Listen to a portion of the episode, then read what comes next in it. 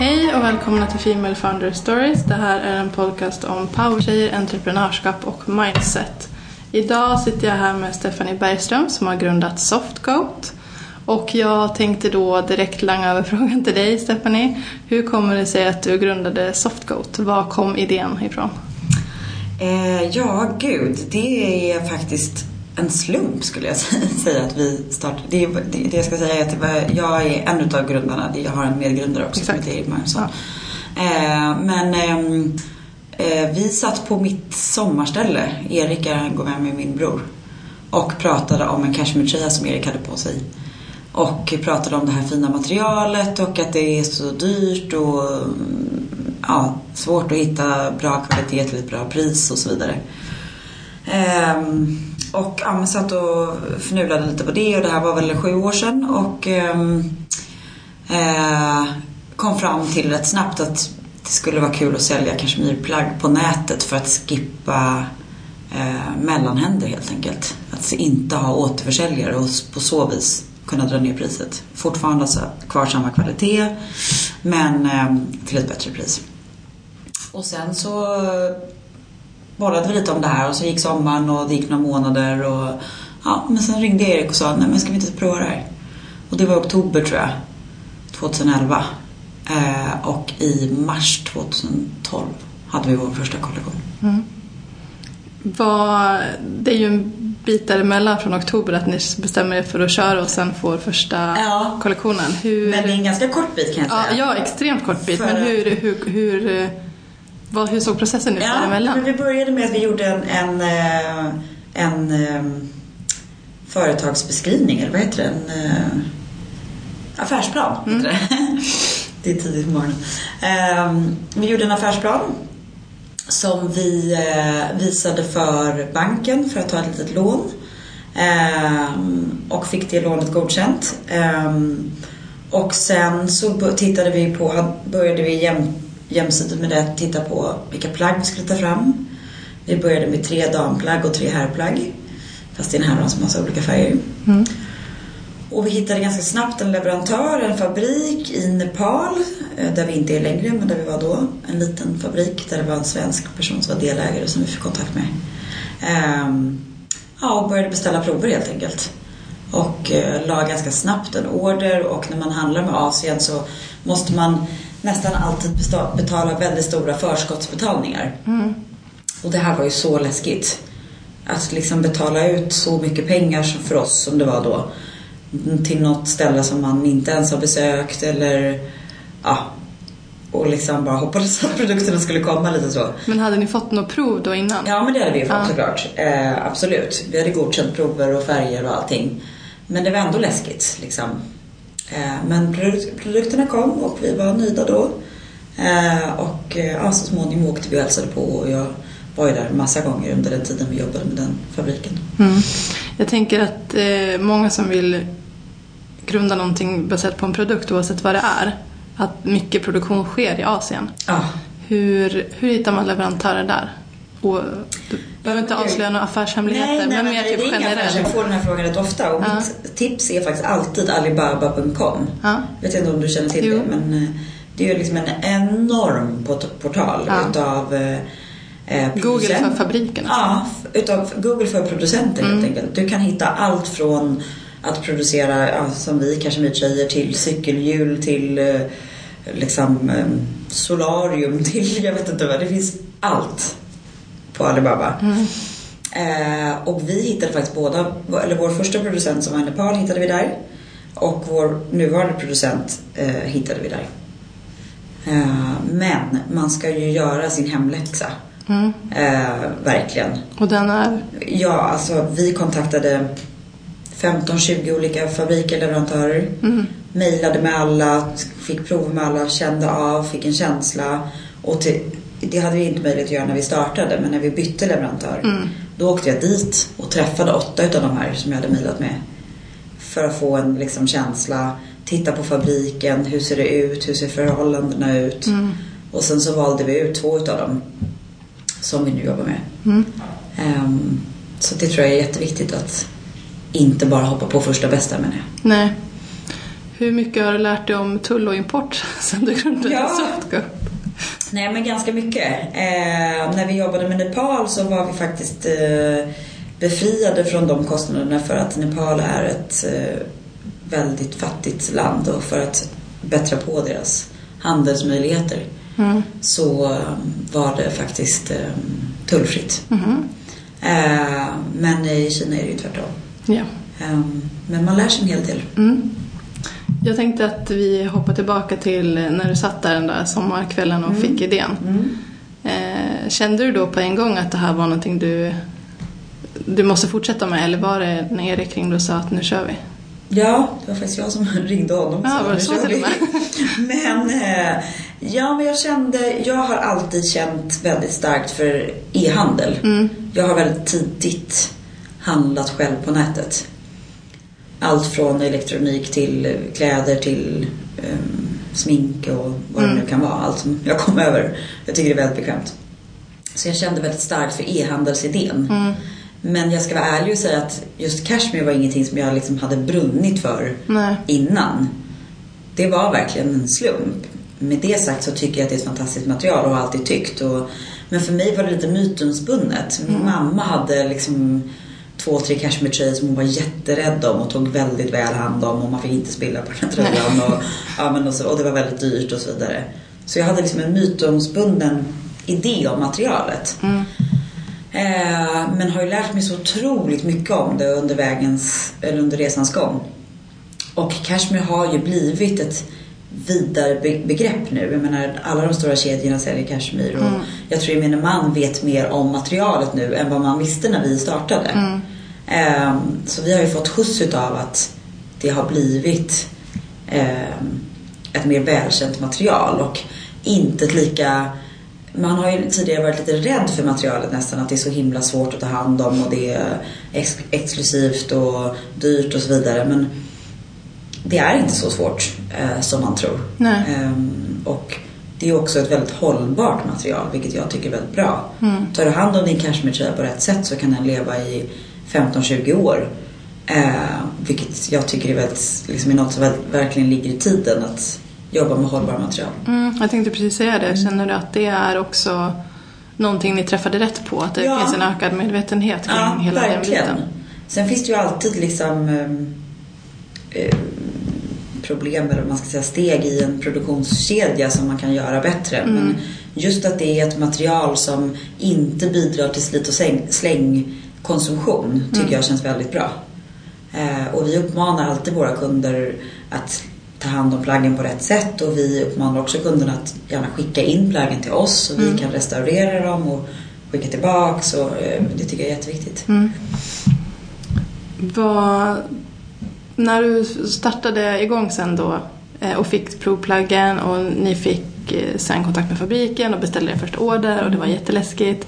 Vad fick det att ta steget då fast det var så ovant och Ja, nej men gud. Jag menar jag tänkte, eller vi tänkte väl att folk har ju producerat kläder i Asien hur länge som helst. Det har ju funkat för andra. Mm. Eh, Det är klart att man kan gå på nitar men man måste ju våga testa för att, för att komma någonstans. Så Mm. att säga. Och eh, Malin Andrén då som har startat Bermalina som är en av mina bästa kompisar som vi delar lokal med här. just det, jag Hon vill har- bara flika in att det är den finaste lokalen jag sett på länge. Ja, kul. Vad gulligt. Tack. Eh, hon eh, hade något år tidigare startat sitt företag Mm. och hade ganska stor erfarenhet av att jobba med Asien och sådär så jag har fått mycket tips och råd utav henne. Hur, eh, ni har ju inga återförsäljare Nej. så att ni byggde e-handeln direkt. Mm. Hur började ni marknadsföra er? Hur fick ni ut ert varumärke? Mm. Nej men eh, vi började med att eh, em, ha en stor pressträff inför lanseringen. Mm. Vi jobbade då med en PR-byrå som inte finns längre. Men, ehm, och bjöd in olika typer av medier. Och när vi startade då för sex och ett halvt år sedan så var det väldigt ovanligt att starta ett varumärke, ett liksom modevarumärke endast online. Det var Mm. liksom nästan konstigt. Det var så här, nej men gud det där, kommer det verkligen funka? Ungefär så. Mm. Så det fanns någonting att skriva om redan från början. Det var Mm. liksom inte bara att titta på de här plaggen utan det var hela konceptet och idén utav vårt varumärke. Ja. Eh, och sen hade vi också från början en välgörenhetsaspekt i det hela som vi har kvar idag. Men vi har bytt organisation. Mm. Som var att vi, vi, vi, vi skänker 10 kronor per sålt plagg. Då var det till Barnfonden, nu är det till Project Playground. Och det har vi hållit kvar vid från början, från start till nu också. Mm. Eh, Så det, det liksom fanns bitar som jag tror att man tyckte var intressant att skriva om. Mm. Det var inte bara ännu ett klädföretag eller klädvarumärke. Precis. Nej. Så, så upplevde jag det i alla fall. Mm. Ehm, sen med det sagt var det ju en utmaning som sagt att Mm. starta ett varumärke bara online. Idag dyker det ju upp varumärken online hela tiden. Mm. Men mig vetligen så fanns det inget eh, varumärke, alltså modevarumärke så som bara hade startat online då. Nej. Det fanns det säkert men inget som jag kände till Nej. i varje fall. Så vi var ganska tidiga där verkligen. Så att eh, där fick vi en del skjuts men det är ju, man, man är ju kortvarig i bruset så att säga. Det är ju sånt otroligt brus Mm. online. Jag tänkte säga några artiklar kan inte ha gett Nej, och man, och man tror ju att liksom det är bara att öppna en webbshop så kommer ordrarna in. Men Mm. så enkelt är det ju inte. Nej.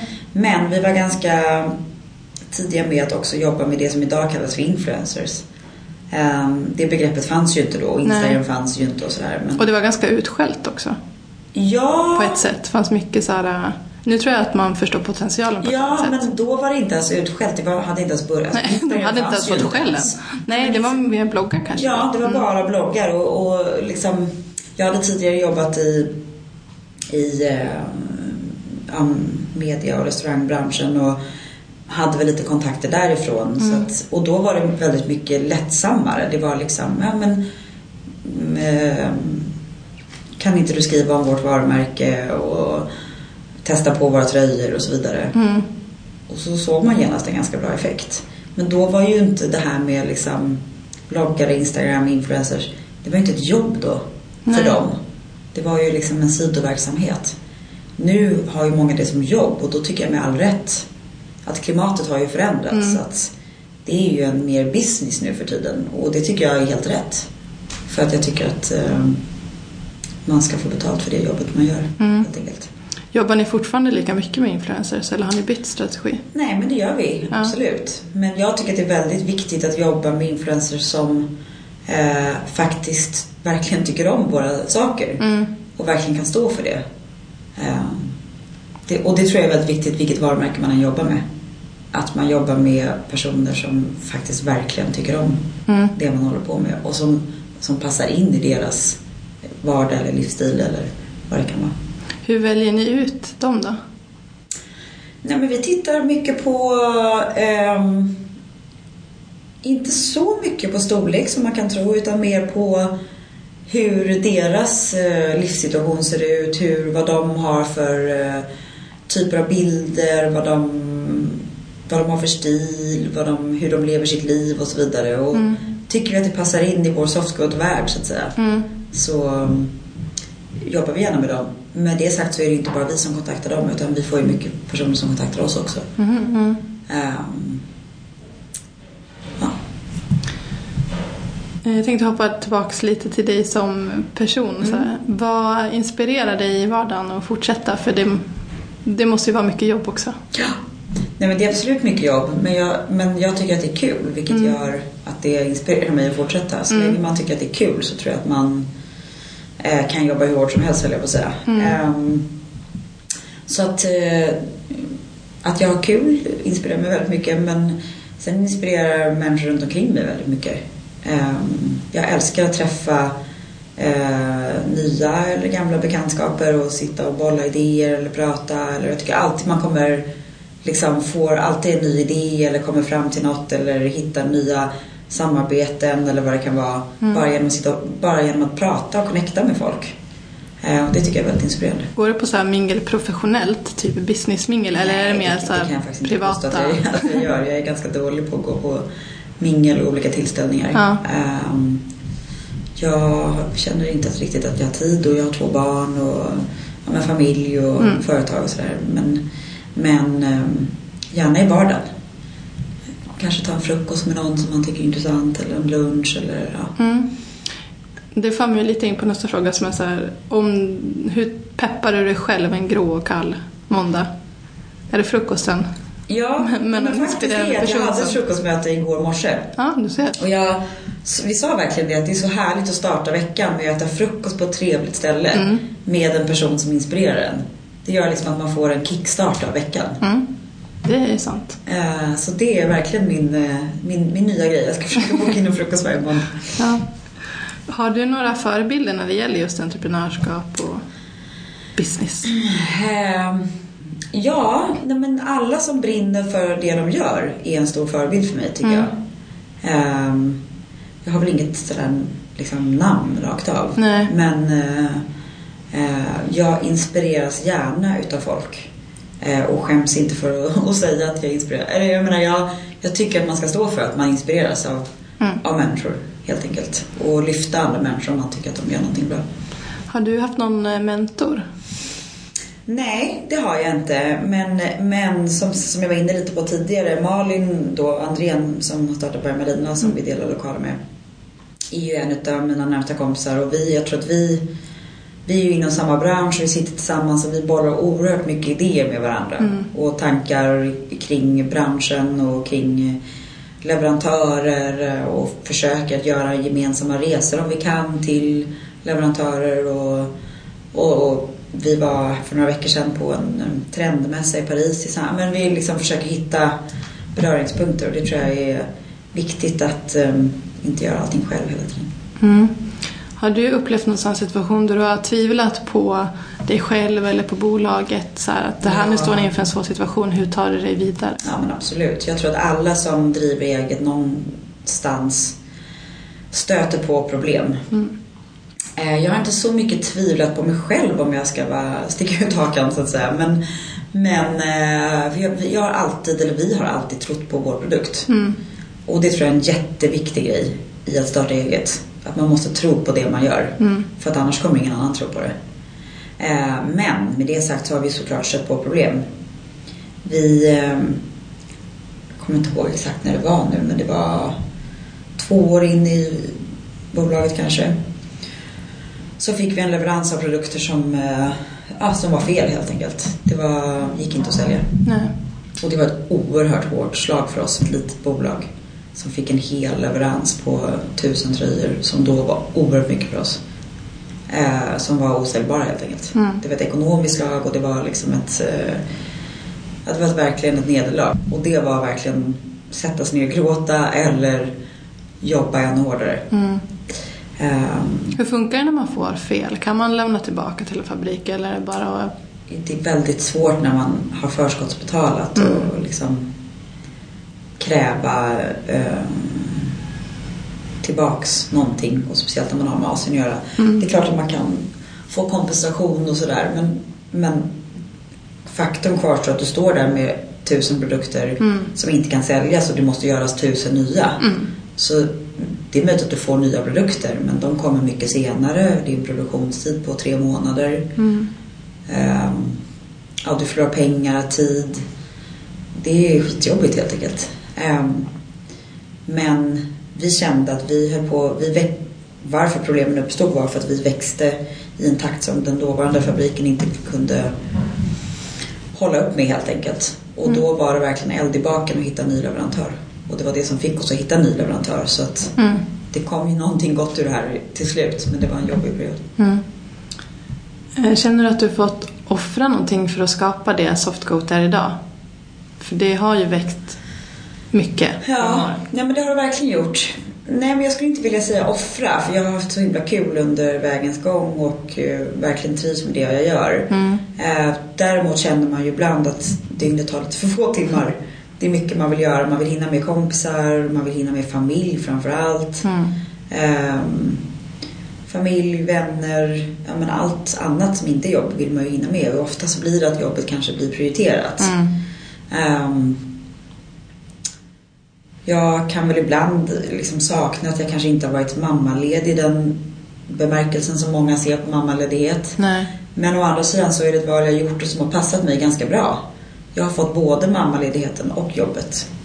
Ehm, och för mig i min vardag så har det ändå funkat bra. Mm. Jag tror att jag blir en bättre mamma när jag, när jag verkligen fokuserar på att vara mamma. Mm. Om jag får fokusera på, vad, på jobbet en bit också. Jag förstår. Hur orkar man med när det är lite tyngre då? Och när man inte kommer framåt? Ja, men som jag sa tidigare, jag tror att det gäller att liksom bestämma sig för att liksom inte sätta sig ner och gråta. Det kan man ju göra en stund, men sen Mm. måste man resa sig upp igen. Ehm, och jobba ännu hårdare. Mm. Och det är väl det som är hela grejen med att vara entreprenör och att starta eget. Att det är ingen annan som löser det åt dig. Nej. Utan du måste jobba hårdare för att nå vidare. Eh, och för vissa passar det bra och för andra passar det inte bra. Men jag tror att det är där man verkligen märker av den stora skillnaden. Mm. Men vad har liksom ingen kommer... annan som gör det åt dig. Nej. Var kommer de här drivkrafterna ifrån? Är det någonting som alltid... För mig menar du? Ja, eller? för dig.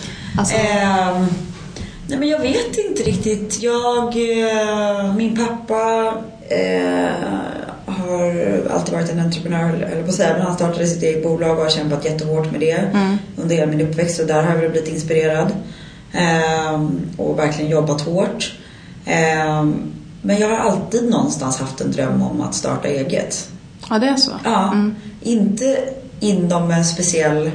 Jag har aldrig liksom riktigt vetat vad det inom vad. Nej. Men jag har alltid velat starta eget. Just det här skapandet Ja. och... Mm. Jag brukar säga att jag startade mitt egna första företag. Det var inte riktigt ett företag men när jag var... Jag tror att jag var åtta år eller någonting. Jag och en kompis på vårt landställe startade Öns um, kiosk. Mhm. Som var öppet två timmar om dagen. Och sålde lite plockgodis och chips och glass typ. Så det här är någonting som alltid återkommit i ditt liv på olika Ja, sätt? så att med hjälp av min pappa faktiskt så startade jag och min kompis den här kiosken. Ja. Ehm, så det var mitt, största, mitt första egna företag. Väldigt tidigt och sommarjobbat. Ja, eller. Ehm, om du hade tre extra timmar per dygn, hur skulle du ha spenderat dem? Det känns som att du redan varit inne på det. med familj och... ja, jag skulle spendera med familjen, absolut. Vad var målet när ni startade Softgoat och har det ändrats längs vägen? Är det fortfarande samma? Idén Vision. har alltid varit densamma Mm. och det tror jag är en utav våra styrkor och en utav eh, anledningarna till att det faktiskt har, har fungerat och gått bra.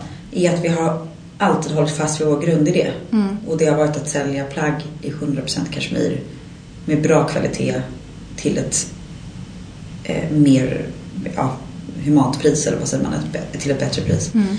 Eh, och all, att hålla oss eh, eh, med fokus online. Och det, det var vår idé från början och det är fortfarande vår idé. Mm. Ehm, så att eh, det tror jag har varit en del av ja, den stora framgången helt enkelt. Nu tappade jag bort mig vad frågan var. Men... Det, var, det var om målet alltid varit detsamma? Ja, och målet alltid varit samma. Ja, ja precis. Så det har väl alltid varit eh, målet. Eh, men eh, sen har ju vägen dit kanske ändrats under tidens gång. Vår, en, en del i den här grundidén från början var att sälja kanske få modeller fast i jättemånga olika färger. Mm. Och det märkte vi ganska snabbt att det var inte det som utan det var ett visst antal färger som sålde. Mm. Eh, Och folk efterfrågade istället andra styles. Så där har vi väl ändrat om lite. Mm. Grundidén är densamma. Har det varit svårt att säga nej till återförsäljare? Har ni fått den frågan? Vi får ganska ofta den frågan. Och det har väl egentligen inte varit svårt i och med att vi har bestämt oss från början. Mm.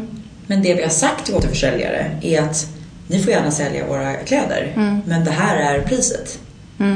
Och då vill de inte sälja våra kläder för då tjänar de ingenting på det. Nej, exakt. Ehm, så att, ehm, ja, nej, eh, det, eh, vi har varit väldigt bestämda med det. Vi har eh, faktiskt eh, en typ av återförsäljare. Vi har en egen shopping-shop på NK i Stockholm, NK i Göteborg. Mm. Som en exklusiv återförsäljare. Men det ser vi ändå som vår egna kanal på något vis. Mm. Vi hänger inte bland massa andra varumärken utan vi har vår egna lilla liksom, yta. Mm. Ehm, men förutom det så har vi inga återförsäljare. Vad har varit det svåraste beslutet att ta när det gäller entreprenörskap och business? Det absolut svåraste var att säga upp sig från en trygg eh, Ja, arbetsplats. När du skulle med, starta? När jag skulle starta. Mm. Med liksom en fast inkomst, med en karriär, med liksom eh, arbetskollegor, men allt som det innebär. Mm. Det var det absolut, absolut svåraste beslutet. Sa du upp dig direkt eller körde du parallellt ett tag? Nej, jag sa faktiskt upp mig direkt. Ja. Eh, för jag bara kände att jag ville göra det och då hade vi inte ens kommit fram till den här idén. Men jag bara visste att jag ville göra någonting annat. Mm. Och kände att jag måste liksom få en spark i, i, i baken för att komma vidare. Mm.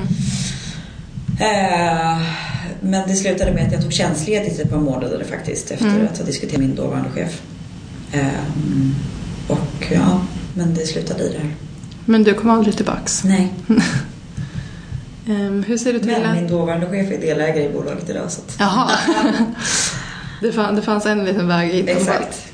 Mm, hur ser du till att företaget utvecklas hela tiden och, och kommer vidare och Ja. nya idéer? Och, Nej men ehm, jag tycker att eh, hela företaget är ju dess personal. Mm. Eh, och jag tycker att det är jätteviktigt att låta personalen komma med sina idéer och input hela tiden. mm, Eh, för det är det som driver företaget framåt. Eh, vi, vi har väldigt högt i tak här. Nu låter det som att vi är tusen anställda, det är vi inte. Vi, vi är sex, eh, sju personer här. mm, Eh, men jag tycker det är väldigt viktigt att låta alla eh, komma med idéer och förslag och testa. mm, Testa om det funkar helt enkelt. I den mån det går. Mm. Jag menar om det är realis- realistiskt såklart. Ehm, så det tror jag är en jätteviktig grej. Ehm, men också att eh, Ja, nej, men jag tror att liksom våga testa på nya idéer. Ehm, och det är ganska enkelt just när man jobbar online. Att testa en ny produkt mm, på kundkretsen. Du behöver inte ett säljteam som ska ut och sälja till återförsäljare och så vidare för att se om den produkten funkar. Utan eh, vi kan testa den med vår målgrupp och funkar det så får det vara kvar och funkar det inte så tar vi bort det helt enkelt. mm. Hur eh, jobbar ni med kollektioner och så? För jag vet, för att sa du att ni hade jättemycket färger och få Mm. modeller och nu är det Mm. lite tvärtom. Men Mm. släpper ni nya säsongsplacerade kollektioner också? Ja, nej men vi har två kollektioner per år Mm. och det är jag som jobbar med all produktion och design. Men precis, precis som jag var inne på innan så, så även om det är mitt ansvar så eh, vill jag alltid ha input från våra anställda. Mm. Vad tycker ni om de här färgerna? Vad tycker ni om den här modellen? Tror ni att det här funkar? Och det tror jag de tycker är väldigt kul. Eller jag vet att de tycker är väldigt kul att vara involverade i den processen också. Mm. Och då känner jag att de som jobbar här hos oss, de, om de får vara med i skapandeprocessen från början, då känner ju de till vår produkt så oerhört väl när produkten väl är klar.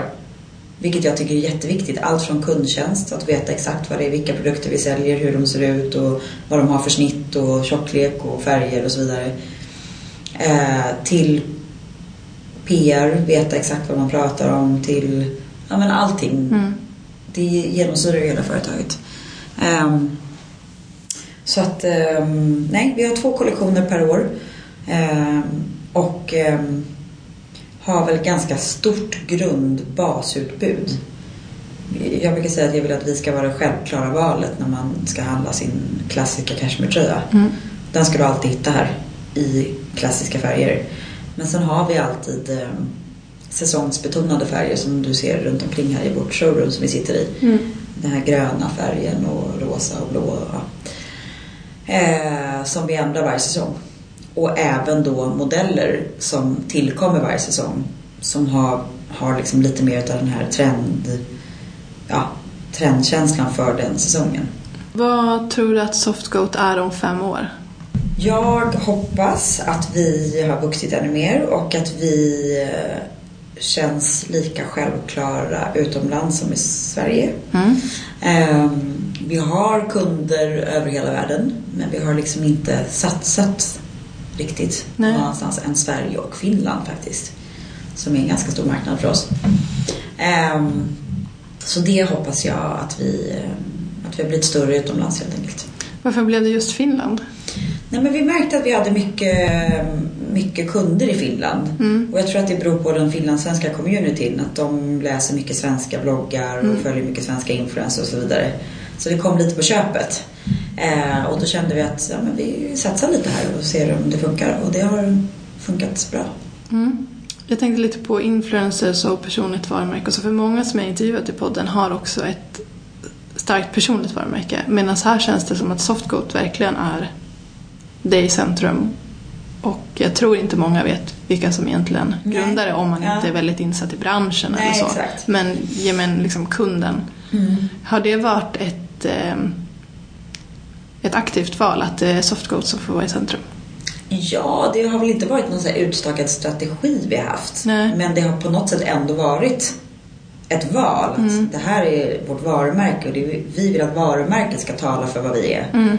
Ehm, det ska liksom vara en softgoat-värld. Vi, vi har små lappar som kommer med alla paket där det står Welcome to the world of softgoats. Mm. Det, är liksom, det är det vi vill förmedla. Mm. Ehm, så att eh, ja, det, var inte någonting vi satte oss ner och sa att nu ska vi hålla oss i bakgrunden och det här ska, men, men det har blivit så. Mm. Eh, och det har funkat bra tycker jag. Men, men sen är det, har det ju i mångt och mycket varit jag som har liksom talat för företaget. Så då blir det väl något form av ansikte utåt. Men, men det, en, en, det viktiga har varit att ta, företaget får tala för sig. Mm. Ehm, har du uppstått någon så här negativitet kring företaget som nu fått hantera? Ehm, nej, men jag tycker inte det. Ehm, däremot så får vi väldigt mycket frågor om... Eh, vi, vi har oerhört medvetna kunder. Mm. De är väldigt medvetna och de är väldigt intresserade, vilket jag tycker är så kul. Mm. Så vi Kring får- produktion och? Ja, Mm. precis. Så vi får jättemycket frågor om hur vår produktion går till. Eh, Allt från hur jätterna mår till hur förhållandena i fabriken är. Ja, hel, genom liksom hela kedjan egentligen. Och det här är jätteviktiga frågor för mig. Mm. Ehm, och jag besöker ju våra fabriker två till tre gånger per år själv. Just för att liksom verkligen hålla koll själv. Ehm, och vi håller faktiskt just nu på med en hållbarhetsrapport kring hela företaget. Mm. Eh, som vi ska släppa snart. Och det tycker jag är jätteintressant. att verkligen göra en analys av hela företaget. Vad gör vi och vad kan vi göra bättre? ehm, för att vara ett så hållbart företag som möjligt. Mm. Ehm, och eh, det här tror jag att många, när många ställer frågor så har de kanske en, en liksom negativ approach. Men när de får ett positivt svar så Mm. blir de liksom wow, Mm. vad kul. Då förutsätter att det ska vara lite Ja, dåligt nästan. Precis, det är det. Vi upplever ofta att man förutsätter att man inte har koll på de här frågorna. Mm. Men vi försöker verkligen att ha koll på Mm. frågorna och då får vi ett väldigt positivt gensvar. Så att, eh, nej, jag tycker inte att det var, det är inte liksom, vi har inte stött på någon jättenegativitet sådär. Nej. Um, mer en nyfikenhet. Om du fick ge tips till den som sitter där hemma och vill eh, bli entreprenör eller har en idé som Mm. den kanske inte riktigt vågar ta steget till att Mm. förverkliga. Vad skulle det vara? Ja, men, ehm, jag var inne lite på det tidigare. Att tro på din idé, Mm. det tror jag är så viktigt. Eh, tror du inte själv på den så kan du inte sälja till någon annan heller. Men sen tror jag också att det är jätteviktigt att våga ställa frågor. Våga ställa frågor till folk i branschen eller folk runt omkring dig som du känner eller ja, men liksom våga vara nyfiken och i- liksom, tänk inte att det här är en dum fråga. Ehm, så att eh, det tror jag är verkligen och som vi också varit inne på du kommer stöta på motgångar. Det gör man. Det är helt omöjligt att liksom, Mm. göra en startup som inte stöter på motgångar. Men var beredd på det och jobba ännu hårdare. Det tror jag, är, tror man kommer väldigt långt med om man har de tre aspekterna in mind. Mm. Tack så hemskt mycket Stephanie för din tid. Jag tror Tack att själv. Det har varit jättekul. inspirerat jättemånga Ja, på den här lilla. Softgoat, Softgoats-resan. Ja, vad kul. Tack, det var jättekul att vara med.